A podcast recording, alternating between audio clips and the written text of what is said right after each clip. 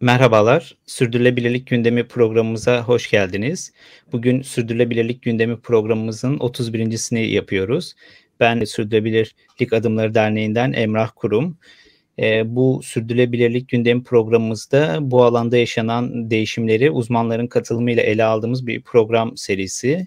Bugünkü gündemimiz ise sürdürülebilirlikte yönetim kurullarının rolü Konuğumuz ise Konferi Onursal Başkanı Şerif Kaynar. Hoş geldiniz Şerif Bey, nasılsınız?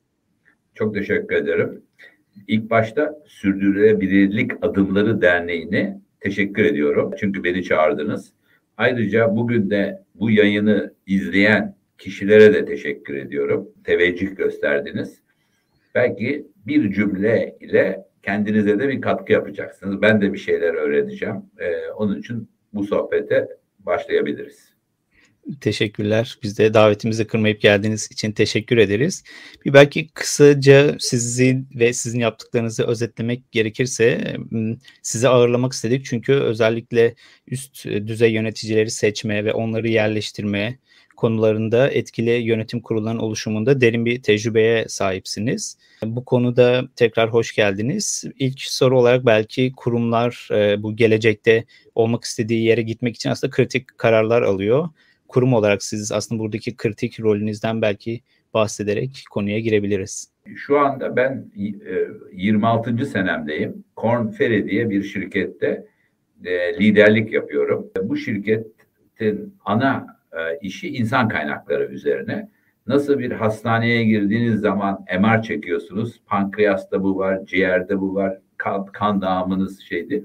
Biz de şirketlerin insan kaynakları açısından MR'ını çekiyoruz ve içerideki her yeteneğin beş sene sonraya hazırlanması için neler yapmasını söylüyoruz veya içeride boşluklar varsa oraya en doğru yetenekli kişileri bulup yerleştiriyoruz. Bu C-level dediğim üst seviye ve yönetim kurulu üyelerine dönük bir şey. Ama e, genç liderlere de işe yeni başlayanlara da özel programlarımız var. Yani komple A'dan Z'ye kadar insan kaynaklarındaki her konuya değiniyoruz. Benim e, son e, bir senedir onursal başkanlığa yükseldim. Onun için e, sadece ve sadece yönetim kurullarıyla ilgileniyorum ben şahıs olarak da. Ama şirketimiz her konuyla ilgileniyor. Bunu bir kısaca anlatayım dedim. Böyle bir giriş yapalım. Tabii ki. Ben de e, uzun zamandır aslında sizi takip ediyorum. 10 yıl oldu tanışalı fakat bu her konuşmanızı olabildiğince takip etmeye çalışıyorum. Çünkü bahsettiğiniz üzere o 5 yıllık süreçlere, şirketlere hazırlama meselesi çok kıymetli. Ve biz de özellikle genç liderler üzerine de çalışmalar yaptığımız için gençleri ileriye doğru hazırlama konusunda aslında bu eğitim ve atölye çalışmalarımızda hazırlamaya çalışıyoruz. O yüzden sizden de bayağı öğrendiğimiz çok fazla şey oluyor bu sizin 2016 yılında bir yaptığımız sohbette e, sürdürülebilirlik konusu üzerine sohbet ettiğimizde Türkiye'de sürdürülebilirlik üzerinde konuşuluyor fakat uygulamada yok demiştiniz. Şu an durum nasıl? Hala aynı düşüncede misiniz? Ya, ilk başta ben bir kere sürdürülebilirlik konusunda çok değişik kişiler değişik şeyler anlıyorlar. Ben kendi anlayışımı söyleyeyim. Bir şirketin daha iyi olması için gereken tüm çabaların tamamına sürdürülebilirlik diyorum. Yani sizin şirketinizin daha iyi olması için neler yapılabilir? Şimdi son dört sene önce hakikaten emekleme safhasındaydık. Bunu pek böyle çok önemsemiyordum ama dört sene boyunca hem dünyada hem Türkiye'de bayağı bir değişiklikler oldu. Yani baktığımız zaman yani tarihçesiye 97 Kyoto, 2015 Paris İklim Anlaşması, ondan sonra da bir takım e, Birleşmiş Milletler'in yaptırımları geldi. Ondan sonra da şirketler biraz silkindi. Global şirketler silkindi. Global şirketler silkinip bir takım değişiklikler yapmaya başlayınca Türk şirketleri de ya bir şeyler oluyor. Bizim bir e, de, e, dikkat etmemiz gereken AB'nin verdiği bazı nasihatlar var. O nasihatlara uyalım mı? İlk başta bunu bunu söylemem lazım.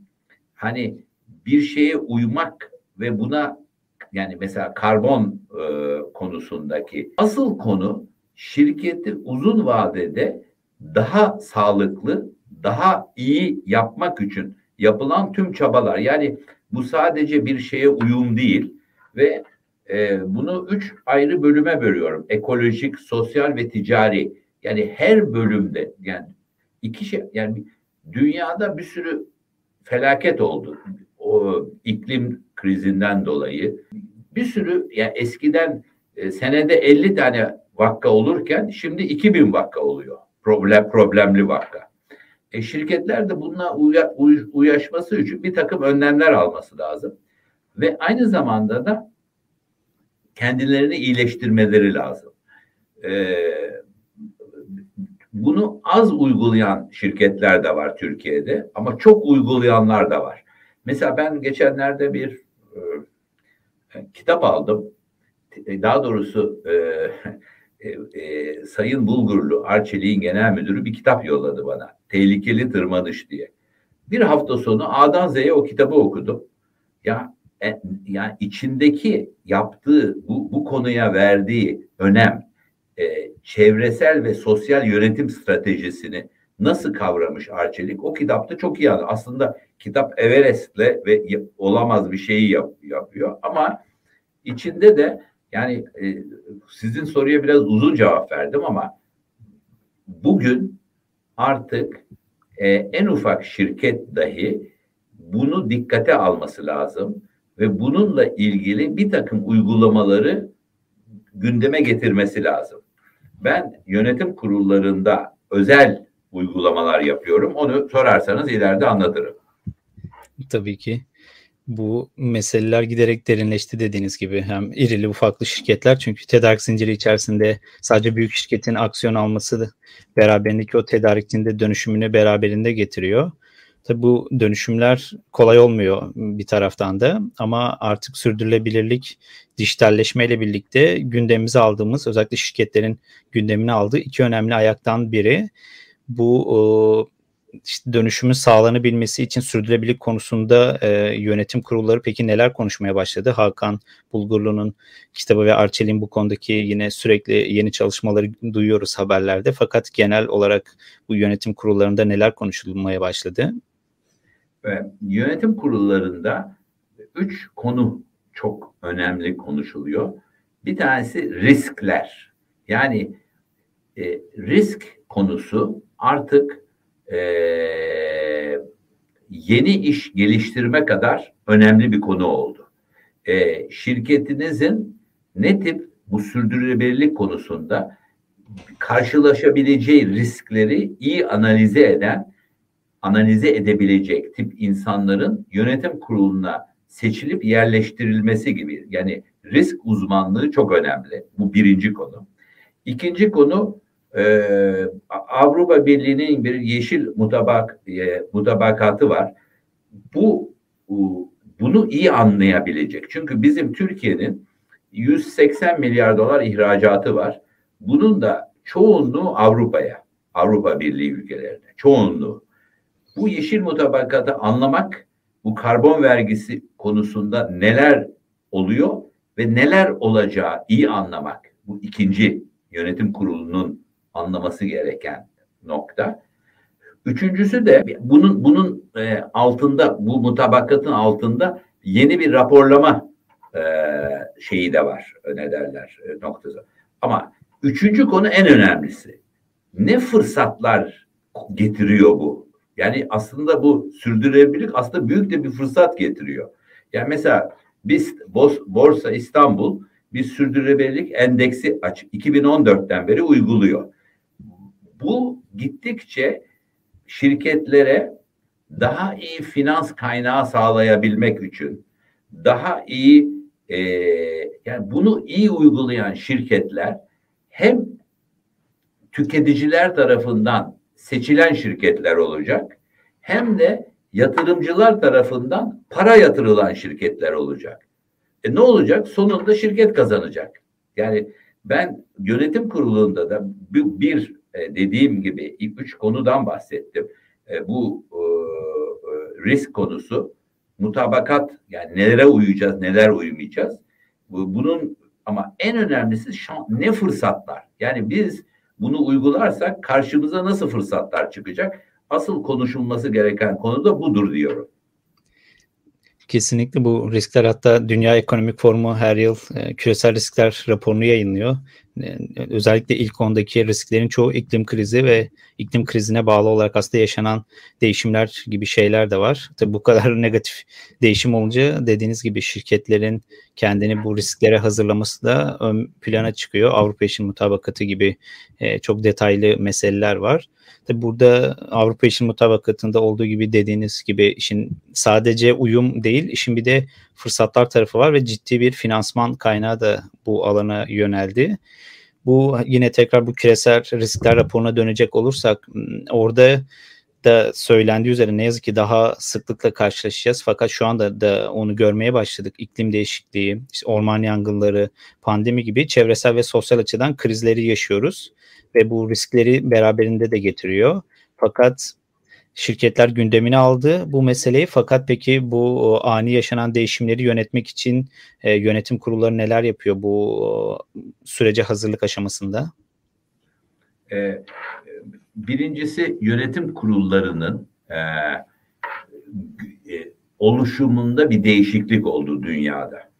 E, 2008'e kadar e, yönetim kurulları e, şirketin e, üst yönetimini e, sorgular ve iyi yapıyor mu yapmıyor mu o, e, gelirdi CFO ve CEO rapor verirdi. 2008'de büyük bir e, çöküş oldu, finansal çöküş. Ondan sonra e, şöyle bir değişim oldu. Yönetim kurulları aslında şirketin daha iyi yönetilmesi için CEO'nun sağ kolu gibi CEO'ya yeni kan veren, yeni heyecan veren, CEO'ya düşünmediği konuları aktaran, CEO'ya dünyada neler olup bittiğini iyi anlatan kişi, bir grup insanı oldu. Ve bunu yaparken de yönetim kuruluna riskten sorumlu bir kişi, e, yeni iş beş sene sonra dünyanın nerede olacağını görebilen yani en ben Süreyya Cilive Türksel'de başarının sırrı nedir diye sormuştum. Dedi ki en başarılı CEO beş sene sonrasında dünya nereye evrileceğini görebilen kişidir dedi. Ee, şimdi e, yönetim kurulunda da en önemli konu bu grup insanın beş sene sonra ne ye doğru gidiyoruz. Orada fırsatlar nedir? Nereye doğru hem dijitalizasyon hem teknoloji ama bir de herkesin unuttuğu en önemli konu var. Yani tabii dijitalizasyon, tabii bilmem ama en önemli konu insan. İnsana yatırım yapmak. Türkiye'de e, e, bizim e, e, insanlarımız 300 milyon dolarlık fabrika yatırımına bir problem görmüyor ama 10 milyon dolarlık dijitalizasyon yatırımına yani e, dünyada e, e, dokunulan yat, e, yani arsa, fabrika, makineye Türkiye'de genellikle yatırım kolay yapılıyor.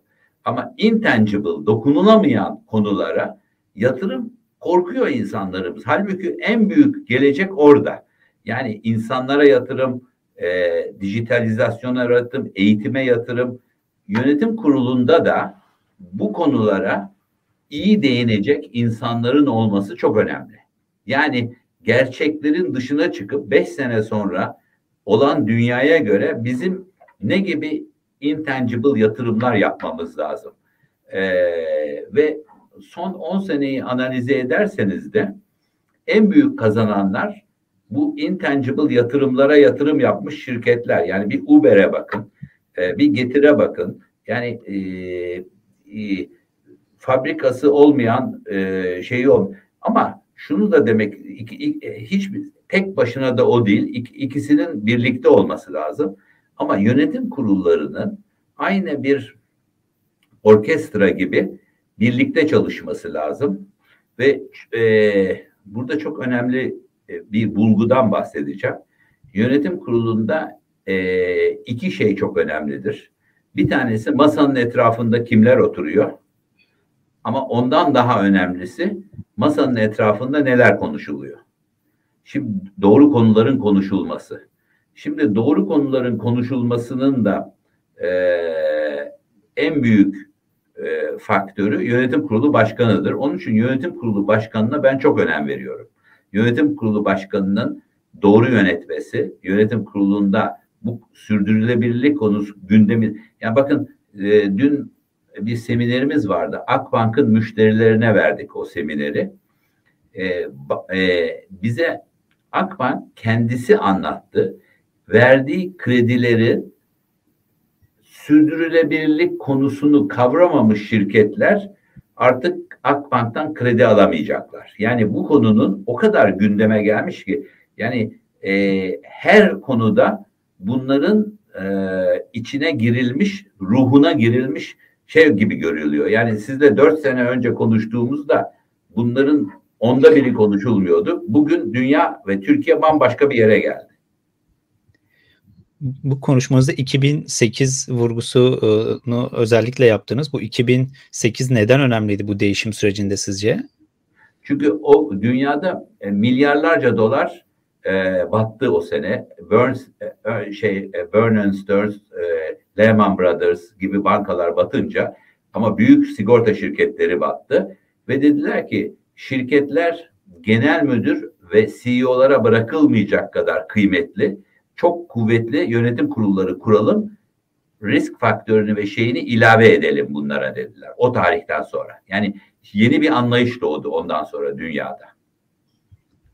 Bu e, yine işin aslında geçmişe dönük bu baktığım zaman özellikle konuşmalarınızda siz bu yaşanan negatif e, meseleleri sürekli aslında dile getiriyordunuz. Bu ekonomik krizlerde e, başta olmak üzere ve bu ekonomik krizlere karşı Türkiye'deki yöneticinin yetkinliklerini özellikle ön plana çıkartarak aslında bu meseleye biraz daha yaklaşıyordunuz. Peki şimdi pandemiyi yaşadık hala yaşıyoruz ne yazık ki iklim krizi, çevresel ve sosyal riskleri beraberinde getirdi ki ne yazık ki derinleşerek devam edecek eğer hızlı bir şekilde aksiyon almadığımız takdirde ülkemizdeki işte Akbank'tan bahsettiniz e, liderler ve yöneticileri siz nasıl görüyorsunuz bu süreci yönetme açısından belki de? Şöyle görüyorum. Ee, ilk başta e, Türkiye e, insan faktöründen çıkıp Türkiye faktöründen bahsedeyim. Dünyanın içinde bulunduğu krizin içinde başka krizler de var. E, e, mesela bu şey malzeme temini krizi, lojistik krizi gibi. Fakat şöyle bir Türkiye'nin şöyle bir avantajı var. Çok e, bir kelime dayanıklı ama İngilizcesi daha iyi resilient bir özel sektörümüz var. Bu, bu özel sektörümüzün e, e, kilit oyuncuları çok büyük e, holdingler değil. Cirosu 100 milyon euro ile 300 milyon euro arası olan yüzlerce şirket. Ve bunlar tamamıyla ihracata ağırlıklı işler yapıyorlar. Ve e, hakikaten ben bunu görüyorum. E, Türkiye'nin e, İtalya'ya, Yunanistan'a, e, İspanya'ya karşı bir avantajı var. Bu özel sektörümüzün üretim gücü. Ve özel sektörümüzün bir tane daha şeyini beğeniyorum. Ee, e, hiç komşu ülkelerimiz birçoğunda olmadığı kadar e, yolsuzluğa kapalı bir sektör. Yani en başarı, yani siz mesela Denizli'de bir e, kablo fabrikasına mal satma veya insan kaynakları satmak istiyorsunuz. En iyisi, en iyi fiyatı verip en rekabetçi olup olmadan giremiyorsunuz o firmaya. Yani bizim özel sektörümüz öyle bir hale geldi ki hakikaten en iyilerle çalışıyor ve güzel işler yapıyor. Ve bir de başka bir avantajı daha var. Ee, çalışan bağlılığı e, bir, bir şey anlatmak istiyorum. Renault'un e, Türkiye'nin başındaki kişiyle konuşuyordum. Dedi ki Renault'da 21 tane fabrika var dedi. Bizde dedi Bursa'da beyaz yaka gece 9-10'a kadar çalışıyor. İlave maaş da istemiyor dedi. Fransa'daki 5'te çıkar dedi evine gider dedi. Bizdeki bir bağımlılık, iş bağımlılığı, işe heyecan duyma, işin parçası olma muhteşem bir halde. O bakımdan bunu söyle. İkinci konu liderlik ve iyi yöneticilik konusu. Ben e, şöyle bir e, şey görüyorum. Bugün e, Dubai'de dünyanın en iyi be, e, beyaz yakalıları İngilizler. Her tarafta İngiliz var. Gidin Avustralya'ya İngiliz görürsünüz. Japonya'da İngiliz. E, ben e, İngilizlerden sonra Türklerin önemli bir rol oynayacağını düşünüyorum dünyada. Çünkü biz flexible'ız. Değişik yerlere gidebiliyoruz. Değişik ve multitask'ız. E, ve e, bizi böyle hanız nasıl şeyi bizi Türk dizilerini çok beğeniyorlar ya Türk yöneticilerini de beğeniyor. Çünkü biz Pakistanlı ile Pakistanlı oluyoruz. Fransız da Fransız oluyoruz. Ee, yani insanlarla e, şeyimiz yeteri derecede bizim önemimiz daha anlaşılmadı. Yani daha parlatılmayan bir pırlanta gibiyiz. Türkiye o pırlantadan bir çıkacak. Yani e, yani bir sürü e, yani şu anda 2000 tane üst düzey Türk yönetici dünyada var. Ama ben bunun 10 bine çıkacağını düşünüyorum.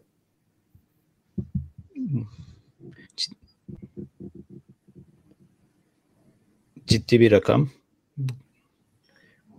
Bu, bu konuda. Ses geliyor mu? Bağlantıda mı Geliyor. sorun oldu? Bende yok problem. Tamamdır. Bu o, peki şey tarafı nasıl oluyor? Bu özellikle e, değişimlerden bahsediyoruz ve bu değişimler hani sadece 10 yıllık süreye baktığımızda zaman işte ekonomik krizler olsun, farklı sanayideki dönüşümler olsun, işte dijitalleşme başta olmak üzere şimdi iklim krizi gibi böyle sürekli bir değişim süreci var ve bu değişim süreçlerinde e, onu yönetebilmek için işte Türkiye'deki aslında liderleri tanımlarken bahsettiğiniz o yetkinlikler meselesinde de e, sürekli bazı yetkinlikler ön plana çıkabiliyor o meseleleri yönetmek için işte iklim krizinden yine sürdürülebilikten bahsettiğimizde riskleri önden gör, görme meselesi gibi. Siz peki bu özellikle sürdürülebilirlik konusundaki liderlerin bu yetkinlikleri nasıl tespit ediyorsunuz ve aslında neye göre bunları seçiyorsunuz? Çok güzel. Ona girmeden önce bugün öğle yemeğinde e, John Candy diye bir Mackenzie'nin partneriyle beraberdim. John kendi 1200 dedi ki Mackenzie 1200 tane şirkete dedi bir e, şey yaptı dedi araştırma dedi ve bu şirketlerden dedi e, hepsi yüzde 60'ı dedi 5 sene sonra yaptıkları işin cirosunun kadar yeni işlerden ciro yapacaklarını düşünüyorlar dedi. Yani dünyada öyle bir dönüşüm var ki şirketler yaptığı işi bırakıp yeni işlere girecekler. Ama en çok beni şaşırtan olay bu yeni girdikleri işin yüzde sekseni de dedi sürdürülebilirlik konusunda olacak dedi. Yani bu yapmışlar bir e, araştırma. 1200 tane şirkete sormuşlar. Bu şirketler demiş ki yaptığımız cironun yaptığı kadar yeni işlerden iş yapacağız. Ve o şirketlerin de yüzde sekseni bu yeni işlerin yüzde seksen, seksen beşinin sürdürülebilirlik alanında olacağını söylemişler. Demek ki bu e, Avrupa genelinde yani Türkiye genelinde bir şey değil Avrupa genelinde bir şeyden bahsetti bana. Bir önemli bir fırsat var. Bu fırsatı da e, yöneticilerimizin yani sizin sorunuza gelmek istiyorum. Yöneticilerimizin de bunu görmesi lazım. Böyle bir fırsat var ve bu konuda kendilerini eğitmeleri lazım. Ee, bunun üçün yani birazcık e, sizin derneğiniz çok önemli bir e, anahtar. E, yaptığınız seminerler önemli. Yani birazcık bu konunun ne kadar önemseneceğini daha tam farkında değiller. Yani böyle bir dev yavaş yavaş şey oluyor. Ya bunun ben tabii ki şeye e, değinmek ekolojik açıdan enerji ve su kullanımını azaltmak için ne yapabiliriz bir konu. Ama bununla ne fırsatlar var? Nasıl biz bu enerji ve su kullanımını azaltırken hangi teknolojilere yöneleceğiz ve nasıl bir şirket kurup bunları yapabiliriz? Veya işsizlere iş sunmak. Bir, sosyal bir şey. Yani şirket biliyorsunuz bugün e, yeni mezun biri artık sigara fabrikasında çalışmak istemiyor. Dünyaya iyilik yapan sosyal bir yerde çalışmak istiyor. O şirketlere de e, bunu öğretmek lazım. Nasıl sosyal olacaklar? Bir de ticari olarak da maliyetlerini azaltmak için daha iyi mal üretip daha ucuza üretmek. Mesela dün e, Starbucks'a gittim Bebek'te. E, diyor ki çevreye uyumlu kap almak istiyor musun diyor. Alıyorsunuz ve ona şey vermiyor. El koruması filan yani sıcaklığı koruma şeyi yeni başlamışlar uygulama. Yani dünyadaki tüm şirketler artık e, bunun bir parçası olacaklar ve buna doğru kafa yoracaklar. Ve bunu kafa yorarken de işte bu söylediğim gibi enteresan bir bunu bunu çözümlemek için de bir takım fırsatlar çıkacak ortaya. Hemen buradan da bu tip e, nasıl bir finansçı veya bir üretimci e, kendini yetiştiriyorsa bu konuda da önemli e, kişilerin yetişmesi gerekecek. E, Amerika'da Korn Ferry'de Chief Sustainability Officer eskiden aranmazdı. Şimdi müthiş bir şey oldu bizde. Yani bizim araştırma yaptığımız önemli bir pozisyon olmaya başladı. Süper. Bayağı süper bir gelişme bence de. Bu belki onunla ilişkili şeyden de bahsedebiliriz. Bu çünkü o ım, sürdürülebilirlikten sorumlu yönetim kurulu üyelerinin seçilmesi meselesinde e, insanların aslında yetişmesi gerektiğinden bahsetmiştik. Yine daha önceki konuşmanızda cümle konuşmanızın başında bu insanların aslında yetişmesi gerekiyor ve bu insanlar aslında yatırım yapılması gerekiyor. Sadece işin meta olarak fabrika yapmak vesairenin ötesine geçerek ama Türkiye'de teorik olarak bakıldığımız zaman sürdürülebilirlik raporlarında çalışanlara eğitim verildiği görülüyor. Fakat burada belki insana iyi yatırım yapmak ne demektir bir sizden açıkçası dinlemek isterim ben şahsen. Ee, bana e, bir sürü üniversiteye gidip e, iki tane ders veriyorum. E, geleceğin meslekleri bir tanesi, bir tanesi de kariyerdeki tuzaklar. İkisi de bir saat süren e, konuşmalarım var. Bunu üniversite dört ve üçlere veriyorum değişik yerlerde ve ayda bir tane veriyorum bu, bu konferanstan. Gelecekte hangi meslekler öyle çıkacak e, ve Türkiye'nin önündeki fırsatlar. E, ben e, Türkiye'nin önünde yani hemen cevabını şöyle bir şeyle vereceğim. E, sağlık sektörünün ve tekstil sektörünün önemli bir fırsat olduğunu hala düşünüyorum. Ee, ve önemli olan bölgesel liderliğin çok öne çıkacağını düşünüyorum. Bölgesel yani Türkiye e, dikkat edin e, saç ekmekte e, Amsterdam'dan da adam geliyor, Suudi Arabistan'dan da geliyor ve bugün belki bu bölgenin bölgesel kralı olduk. E, yani ama bunun gibi 25 bin tane değişik şey düşünüyorum ben. Fikir. Türkiye'nin bölgesel kral olacağı e, konular. E, bir tane daha konu var mesela. İnovasyon her tarafta şart.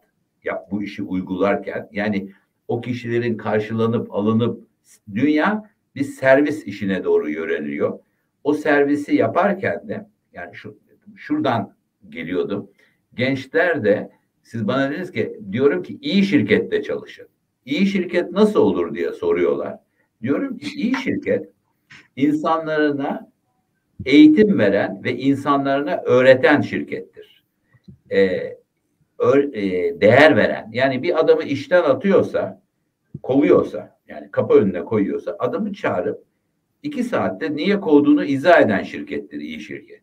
Yani bir şeyle ben seni koyuyorum değil değil. O bakımdan e, e, gençlere diyorum ki araştırma yapın. Araştırma yapmanın da iki tane metodu var.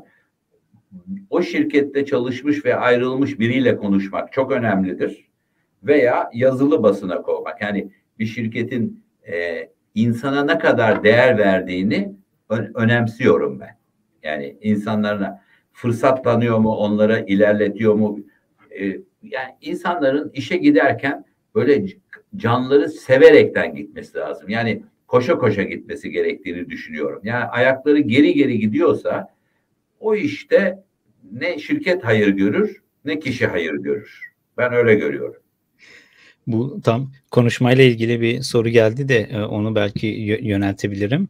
Bu eğitim meselesi çok önemli dediğiniz gibi. Dernek olarak bizde kurumsal eğitimler olduğu için özellikle son bir, bir buçuk yılda bir yılda müthiş artmış durumda. Farklı departmanlar bu arada istiyor özellikle çeşitlenmesi açısından. O yüzden ben bayağı he- he- heyecanla izliyorum yaşanan süreçleri de. Sorumuza geçecek olursam dünyada iş yapış şekilleri de değişti. Endüstri 4.0 işte Avrupa İş Mutabakatından bahsetmiştiniz.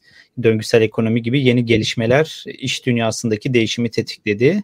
Peki bu değişimler göz önünde bulundurarak Türkiye'deki şirketler potansiyellerini gerçekten kullanıyor mu? Daha çok etki yaratması için var olan eksiklikleri ya da hataları nelerdir?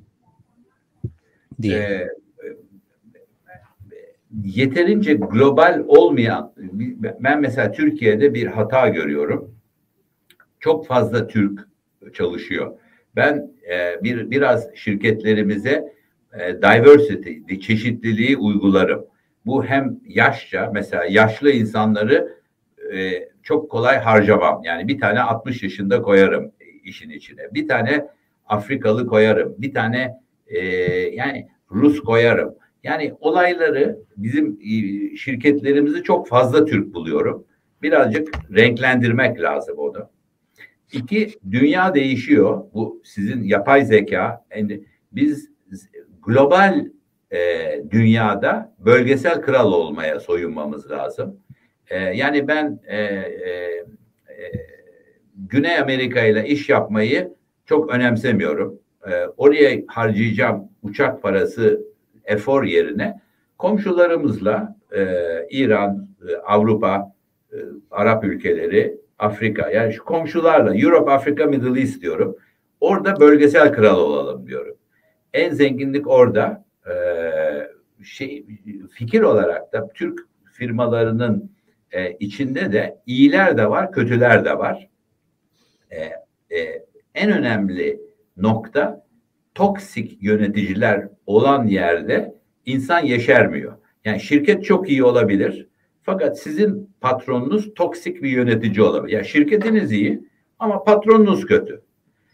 O zaman hemen bir tavsiyem var. O toksik patrondan kurtulmak zor değil. Onun için departman değiştireceksiniz. Yaptın aynı şirkette kalıyorsa ya o toksik kişilerin altında siz körelirsiniz. Bir yere gidemezsiniz toksik insanlardan kurtulmak lazım diye bir şeyim var.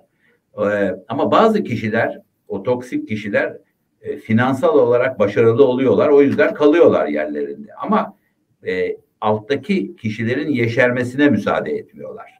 Halbuki e, iyi liderin tarifi bence kapısı açık, bilgiyi paylaşan, alttakinin gelişmesine fırsat tanıyan biri diye ben biliyorum. Süper. Peki toksik lider de bunun tersi mi oluyor? Evet. Hiç bilgi, toksik lider bütün bilgiyi yani hiçbir bilgi paylaşmıyor. Geldiği saati de paylaşmıyor. Ne yaptığını, ne düşündüğünü de paylaşmıyor. Ee, yani e, e, bir şirketin başarısı olursa onun başarısı, şirket bir kötü başarısızlık olsa ekibin başarısızlığı oluyor. Tam liderlik üzerine bir soru da gelmiş. Sizin liderlik tanımınızı duymak isterim. Ek olarak geleceğin liderlerini öncesinde keşfetmek için kurumlara neler önerirsiniz? Ellerindeki değeri kaçırmadan önce belki. E, e, ellerindeki değeri kaçırmamak için her zaman için e, ben bir kere iyi liderin tarifi yanından başka iyi liderleri yetiştiren kişi diye görüyorum. Mesela benim benim şirketimde Nilgün Langenberg diye bir hanımefendiyi Kiev İstanbul uçağında tanıdım. Xerox'ta çalışıyordu. Bizim şirkete 98 yılında aldım. Bugün Avrupa'nın başında Nilgün Hanım. Tüm consumer pazarını. Beni de geçti Avrupa Başkanı Kornferi'de. Ee, yani iyi kişileri bulup yetiştirip yani yani her zaman için zaten e, onu söylüyorum ama e, e, yetiştirirken şu çok önem veriyorum. Bakın lider bu insanlar başkalarını kolay harcıyorlar. İyi lider kolay harcamayacak etrafında. Onların gelişmesine yol açacak. E, Korn Ferry'de bir üst pozisyona geçmek için bir komite var bizde. e, Türkiye Komitesi'nde de bu sene e, biri e, e, diyelim ki bir toplantı oldu. Biri yükselecek. Biri dedi ki ya dedi o çocuk çok iyi de İngilizcesi tam yeterli değil dedi. Ben diyorum ki onu yükseltin. Yeni pozisyonda öğrenir onu. Yani şansı vereceksiniz insanlara. Biraz daha büyük paltonun içine koyun adamı. O içinde o paltonun içinde büyür o kişi. Yani insanlara güveneceksiniz, o fırsatı vereceksiniz. O kişi ondan sonra size mucizeler yaratır. Ama bir dakika bir, bir konu daha var. Bir, bir başka konuşma var. Onu da şeye yazıyor, şirketlere yapıyorum. Vasattan kurtulmanın yolları. Yani vasatı da kabul etmemek lazım. Yani ben şöyle diyeyim onu. Mesela restorana gittiniz, önünüze yemek geldi. Türkiye'deki insanlar yüzde seks, yemek soğuk. Yüzde sekseni o soğuk yemeği yiyor. Halbuki yemeyeceksiniz. Diyeceksiniz ya bunu beğenmedim, geri yollayacaksınız. Türkiye'de insanlar e, e, vasatla yaşamaya alışmış. Halbuki vasatı kabul etmemek lazım. Daha iyisini istememiz lazım.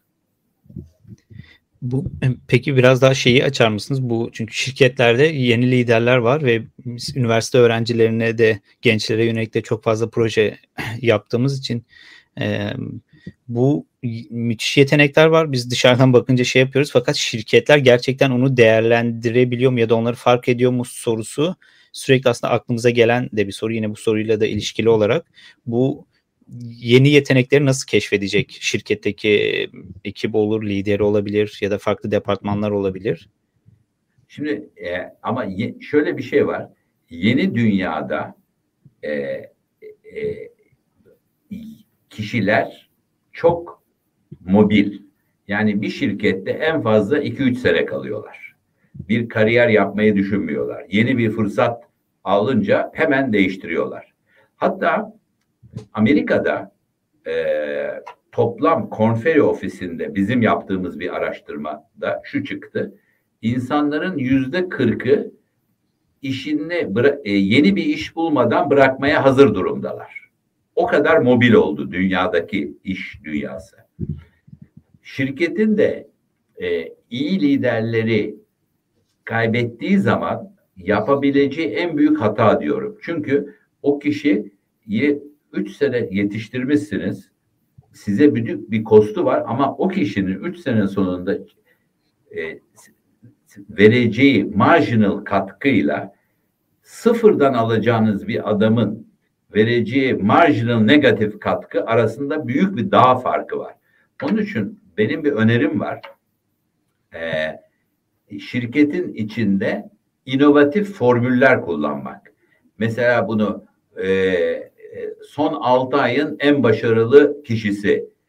Onun Uludağ bir bilmem ne motiva, e, motivasyon tripi. Devamlı insanların istedikleri para veya yükselme değil, sırtlarının okşanması.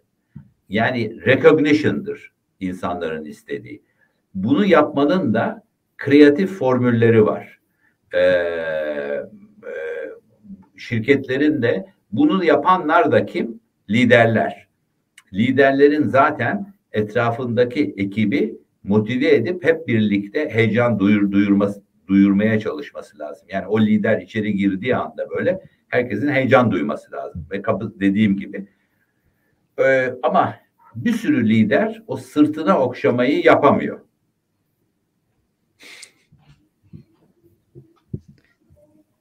Bu peki o konuda önerileriniz var mı? Çünkü dediğiniz meseleye sürekli gündeme geliyor.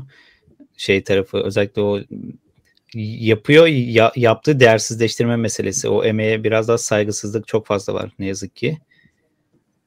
Ya bir birincisi e, e, bu e, şirketin e, e, iki tane konusunda çok önem veriyorum. E, insan kaynakları direktörü fonksiyonunun e, önemsiz bir kurum olmaktan çıkarılıp direkt CEO ile birebir çalışıla, çalışıla çünkü bir şirketin en değerli yani mesela diyelim ki Microsoft Microsoft'u yapan kişilerdir. O o kendisinin bir manası yok. Kişilerdir. En önemli varlığı çalışanlardır. Ee, onun için de insan kaynaklarının e, çok e, bazı e, ön, bazı şirketlerde e, hele e, ya bir cost olarak görülüyor. Halbuki o şirkete en çok değer katan bölüm olması gerekir ve en e, doğru inovatif fikirlerin geliştirildiği bölge olması lazım. Bunu önerebilirim e, mesela hemen başlangıç olarak. Teşekkürler. Bu konuşmanızın başında bir onunla ilişkili bir soru geldi de Türkiye'de aslında 25 farklı alan var fırsatların olduğu diye evet. demiştiniz. Bunu biraz daha şeye çekmişler. Türkiye'de tarım sektörünü nasıl buluyorsunuz diye belki tarım da bunlardan biridir sizin tarafta. Sektörde özellikle çok aile e, çok büyük aile şirketleri var. Bunlar ile temasınız olduysa izlenimlerinizi duymak isteriz diye. Şimdi Türkiye'de genellikle bir e, e, e, e, genel bir e, görüşüm var. O da e, e, devletin iki dudağı arasında olan sektörlerden uzak duracaksınız. Çünkü e, yani e, veya tekelleşme olan yani e, rekabet kuralı olan yerler. Yani aslında devlet her tarafa gidiyor ama Kore'de Kore'nin yaptığı, Tayvan'ın yaptığı biraz Malezya'nın yaptığını biz yapamadık. Yani şirketlerin daha olumlu yeşil bir alanda yeşermesini sağlayan o buna İngilizce environment diyorlar. Böyle şirketleri daha rekabetçi hale getiriyor ve bir şekilde destekliyor. Altına yeşil halı koyuyor. Hatta devlet bir de kontrat veriyor. Diyor ki ilk e, ilk iki senelik şeyi de ben alıyorum diyor. Bunu yapamadık. Onun için tarım konusuna geleceğim. Tarım da Türkiye'de e, çok e, işte e, ithal gübreye dayalı ve bir takım bir de dünyada bir gerçek var. E, gelecek şehirlerde urbanization gerçek bir şey. Yani e, herkes şehirlere gidiyor ve gelecek de şehirlerde olacak. Tarım her zaman için bir güç. Ee, iyi bilenler iyi para kazanabiliyor o işten. Ee, ben Ayvalıklıyım. Oradaki zeytin ağaçlarına ve zeytincilere bayılıyorum ama çok da arkadaşım var. Bir tanesi de ya zeytinden de köşeye döndük diyemiyor. Yani yani yani birazcık e, e, yani dünyanın geleceğinde tarım var ama kaç sene sonra? Yani onu onu buradan ben söyleyemiyorum. Kesinlikle tarım meselesi başlı başına dediğiniz gibi üzerine konuşulması gereken bir alan belki de. Bu e, şey tarafını da sorabiliriz. Belki hani çok fazla iş odaklı konuşuyoruz fakat sizin de yine önemsediğiniz bir mesele var. Hayat sadece iş değil diye diyerek aslında bu sivil toplumda çok fazla çalışmalar yapıyorsunuz. Hatta yayından sonra da e, bur buradan çıkıp yine bir sivil toplum çalışmasına katılmak için e, ayrılacaksınız. Burada e, çok farklı sivil toplumda çalışmalar yapıyorsunuz. İş dünyası için aslında e, sivil toplumla işbirliği sizce neden önemli? Şöyle e, ben benim te, şeyim teorim şu e, her e, e, başarılı profesyonelin e, iş dünyasındaki bu iş sahibi olabilir veya çalışan profesyonel olabilir zamanının bir bölümünü ve parasının bir bölümünü sivil topluma ayırması lazım. Bunu niye böyle düşünüyorum biliyor musun? E, sebebi şu sivil toplumu güçlü olan ülkelerin çok daha refah seviyesinin yüksek olduğunu gözlemledim. Okuduğum kitaplardan, aldığım bilgilerden. Ve e, bir de bir şey daha gördüm. E, e, tek başınıza finans bulmak çok zor. Ama bir sivil toplumla birlikte finans bulmak daha kolay. E, ve e, benim yaptığım bir sürü projede e, üç şeyi bir araya getiriyorum. Bir e, sivil toplum örgütünü, lokal iş adamlarını veya bir e, şeyi ve bir derneği. Yani iş adamları var, e, dernek var. Bir de yerel otorite var. Bir belediye olabilir, bir başka bir şey olabilir. Bu üçü birleşince sandalyenin üç ayağı ve nefis bir şey çıkıyor. Ben, ben mesela bir oturduğum semtte bir e, o semtte oturan Gönüllüler Derneği kurdum. Ağaçları bile buduyoruz. E, yolları temizliyoruz. Daha güzel yaşamak için planlar yapıyoruz. Ve bunu ben batılı ülkelerde gördüm daha çok. Sivil toplumun gücü çok önemli. Bir de şikayet ettiğiniz zaman emrah kurum tek başına şikayet ediyor. Hiçbir sesi yok. Ama sürdürülebilirlik adımları derneği olarak şikayet ederseniz muhakkak bir gücü var. Onun için sivil topluma da ben inanıyorum. Bir de bunlar bilinenleri, bir de bilinmeyenleri var. Bu tip derneklerde bir network ediniyorsunuz. Mesela normal olaraktan hiç hayatınızda tanışmayacağınız kişileri tanıyorsunuz. O size renk katıyor. O size bir yeni fırsat da yaratabiliyor. Ee, hem müşteri olabilir hem sosyal hayatta bir katkı olabilir. Yani onun e, şeyleri iki, e, bir, bütün yaptığınız işin iyilikleri dışında bir de şahıs olarak da size katkısı var. Onun için herkese o tavsiyem geçerli. Yani biraz zamanınızın tamamını demiyorum, ufak bir kısmını sivil toplum örgütüne hatta e, para da birazcık verin diyorum. Kesinlikle galiba yine bu insan kaynakları üzerinde yapılan birçok araştırmada özellikle bu yeni liderleri seçerken sivil toplumda gönüllülük yapma meselelerini de çok önemsediklerini okumuştum. Çünkü onların Hatta üniversiteler şimdi kişileri alırken bile buna bakıyorlar. Kesinlikle. Hatta lise öğrencileri seviyesine düşmüş. Aynen. Liseden başlatıyorlar çünkü üniversite giriş aşamasında dediğiniz gibi. O yüzden bu liderlik özelliklerini de besleyen de bir süreç. O yüzden biz de çok şey öğreniyoruz açıkçası sivil toplum olarak. Özel sektördeki deneyimlerden faydalanmakta bir taraftan tersine olarak bizleri de besleyen bir şey. E, zamanımız e, daralıyor o yüzden çok da evet. vaktinizi almadan belki son soru olarak e, hem e, eklemek istediklerinizi sorarken son soru olarak sürdürülebilirlikte yönetim kurullarının rolü üzerine paylaşmak istediklerinizi duymak isterim. Ee, şimdi sürdürülebilirlikte yönetim kurullarında şu e, ÇYS yani çevresel ve sosyal yönetim stratejisi çok kilit bir konu olmaya başladı. Bu e, yönetim kurullarında bir kişiye bu ÇYS stratejisi görevi veriliyor. O da uzun vadeli bir strateji gerçekleştiriyor şirket için. Bu strateji de şirketin tüm katmanları için geçerli. Yani e, genel müdür CEO ve altı için geçerli. Çünkü bunu için bunu yaparken de riskleri de evaluate ediyor herkes. Yani mesela bizim bulunduğumuz e, işin geleceğinde böyle bir risk de var. Şöyle bir opportunity de var yani. Böyle bir açılış da var. Onun için e, gittikçe yönetim kurullarında bu daha çok gündemde kalacak ve e, şeye gelecek e, diye söylüyorum. E, sürdürülebilirlik konusunda da e, şirketlerin tamamında bir e, duyarlılık yaratabilecek, bu işe inanmış birinin görev almasını tavsiye ediyorum. Yani çünkü e, şirketiniz belki e, bunlara dikkat etmezse ileride finansman bulamayacak.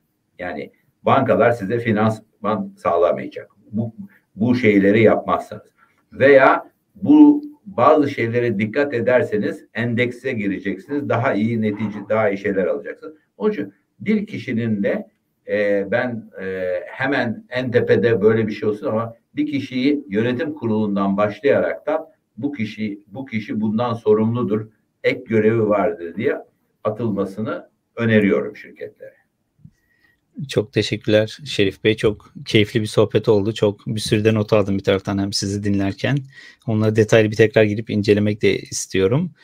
E, vakit ayırdığınız için, kırmayıp geldiğiniz için teşekkür ederim. Ee, Sürdürülebilirlik Gündemi programımızın 31.sini e, yaptık. E, Sayın Şerif Kaynar bizlerleydi. Bir sonraki Sürdürülebilirlik Gündemi programımızda görüşmek üzere.